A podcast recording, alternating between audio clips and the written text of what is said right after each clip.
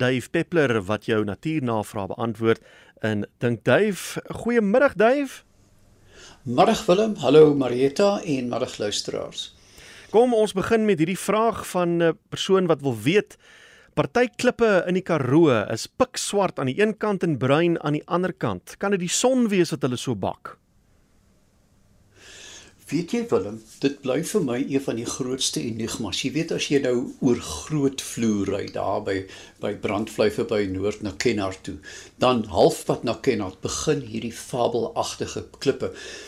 Hulle die die patina, die laag op die klip lyk byna na brons. Nou jy weet dit is baie moeilik om te sê die Karoo want die Karoo het baie komplekse geologie, maar ek dink die luisteraar verwys na uh hierdie basaltiese uh klippe.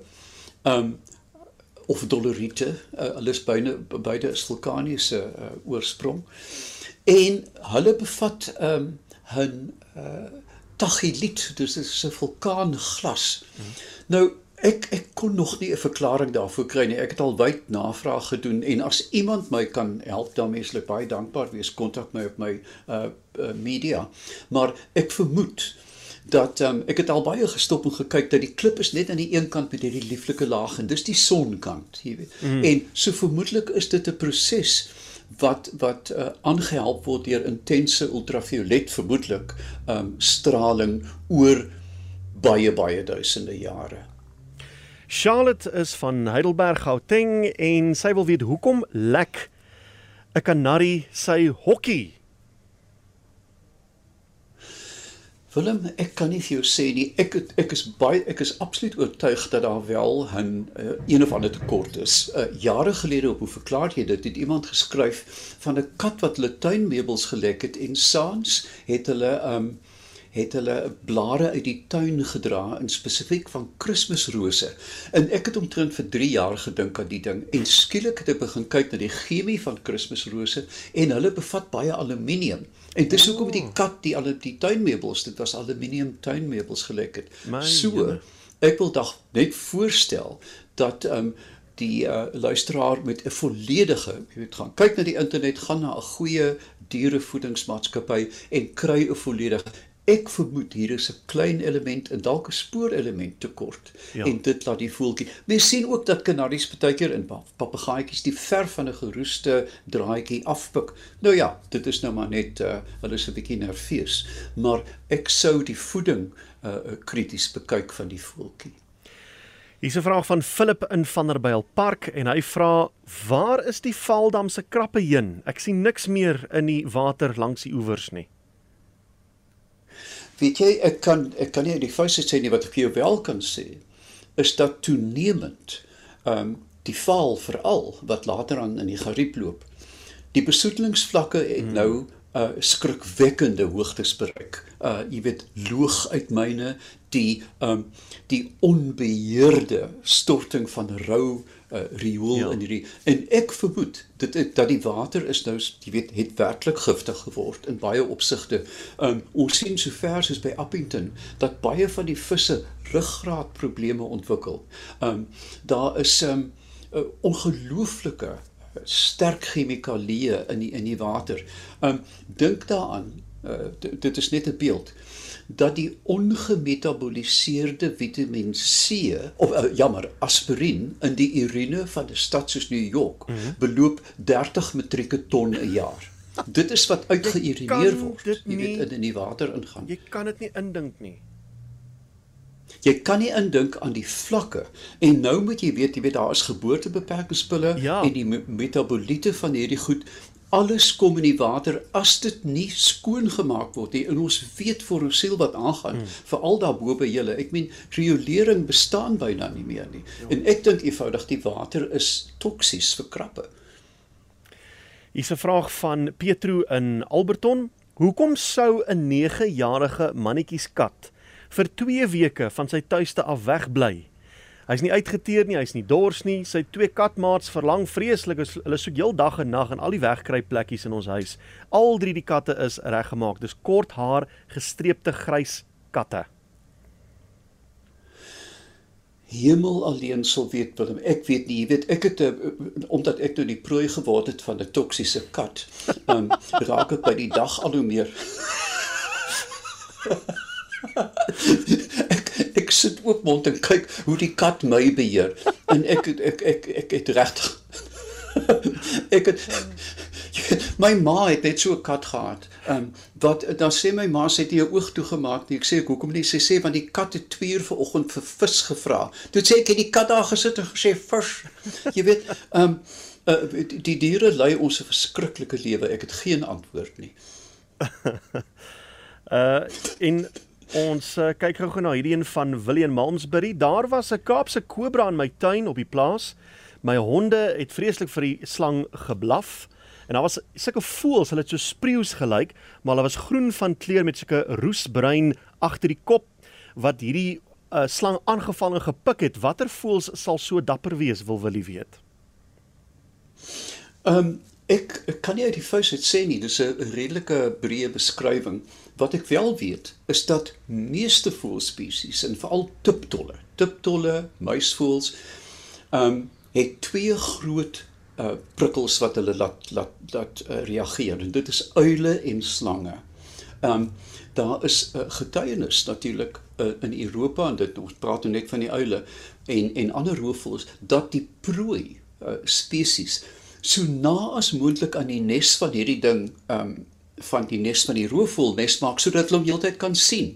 Ehm um, so dit dit is nie 'n ongewone gedrag nie dat voeltjies uh, verskriklik te kere gaan as daar 'n slang is en wys weet dit het die Karoo met 'n boomslang en so aan, maar ek kan nie uit die vuis uit die spesies bepaal nie. Hier so dubbeldoor vraag wat Piet in Bloemfontein ingestuur het. Bye wat sit op die blou seil van 'n swembad, hoekom dink hulle dis water? Want hulle gaan dan dood in die water.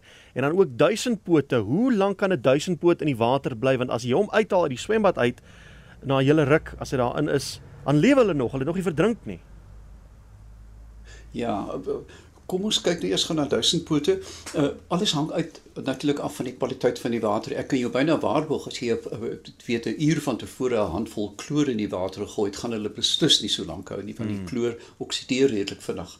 Um insekte, spinnekoppe ook kan vir merkwaardige tye sonder suurstof klaarkom. Hulle metabolisme is so stadig.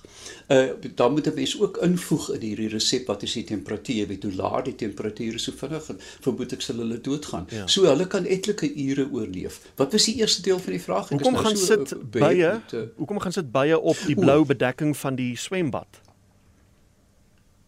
Die die kan ek nie vir jou verklaar nie. Ehm um, bye kan natuurlik die water ruik. Jy weet want water is nie reukloos, ek meen uh, steriele water, gesteriele uh, gekookte water is uh, is uh, het nie 'n reuk noodwendig nie. Hmm. Maar meeste swembadwater is organiese materiaal in en natuurlik baie het ook 'n gemeenskaplike geheue van waterbronne uh, bronne. Met ander woorde as hulle die res van die jaar daar water gedrink het, jy sit nou 'n seil daaroor, dan gaan hulle nog steeds na hierdie bron toe kom. Mm. Um ek uh, is heilig oortuig dat dit nie noodwendig die kleur is nie, maar 'n soort van 'n geofisiese prikkel wat hulle daar laat sit. Um ook heel moontlik uit gewoonte.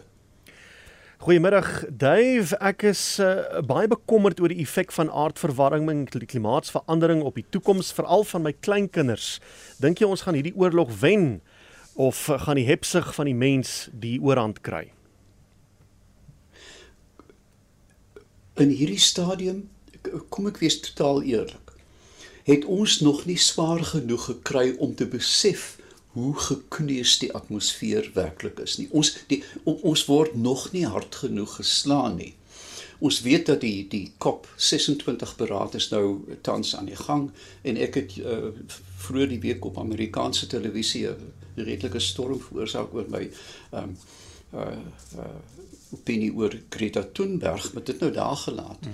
Ehm um, as ons nie ingrypend binne die volgende 5 en ek bedoel 5 jaar ingrypend ons lewenstyl verander nie, gaan ons kinders se toekoms binne wat ons nou nog nie kan voorspel nie, want die die die basis van die die die uh van die die uitval van die gekneusde atmosfeer is chaos. Ons kan al hoe minder voorspel. Met ander woorde, die kurkdroë noordweste van Suid-Afrika kan vir die volgende 4 jaar wegspoel en dan vir 20 jaar nie weer reën kry nie. So erg is dit. Mm. So wat ons moet doen en ek ek hou vol daarbey dat ons individuele besluite maak sê ek gaan verander. Te hel met China, te hel met Amerika en as ons dan 'n klein eiland van stabiliteit om ons skep dan gaan ons bure dit aanvoel of ons familie dit aanvoel en klein eilande word naderhand vaste lande. En uh, dit, dit dit gaan daarop neerkom dat ons individueel van die staat, soos hy in die ou kamp gesê het, is nie in staat. Um, ons moet dit self besluit want uh, die die gierigheid van die groot lande, moonthede soos Rusland en en en China en ook individue is onbeperk. Hulle het hmm. onbeperkte gierigheid en dit gaan jy nie maklik stop nie. Uh ek om die waarheid te sê is redelik swaarmoedig, maar ek bly hoopvol. Kom ons sluit af met hierdie ene iemand wat weet waarom groei 'n boom se stam met kronkels en nie reguit nie. Wel, 'n sekere bome, né? Jy kry natuurlik van die naaldhoutbome wat ehm um, pen regop groei, weet Oricaria. Mm. Daai bome hulle groei soos 'n obelisk.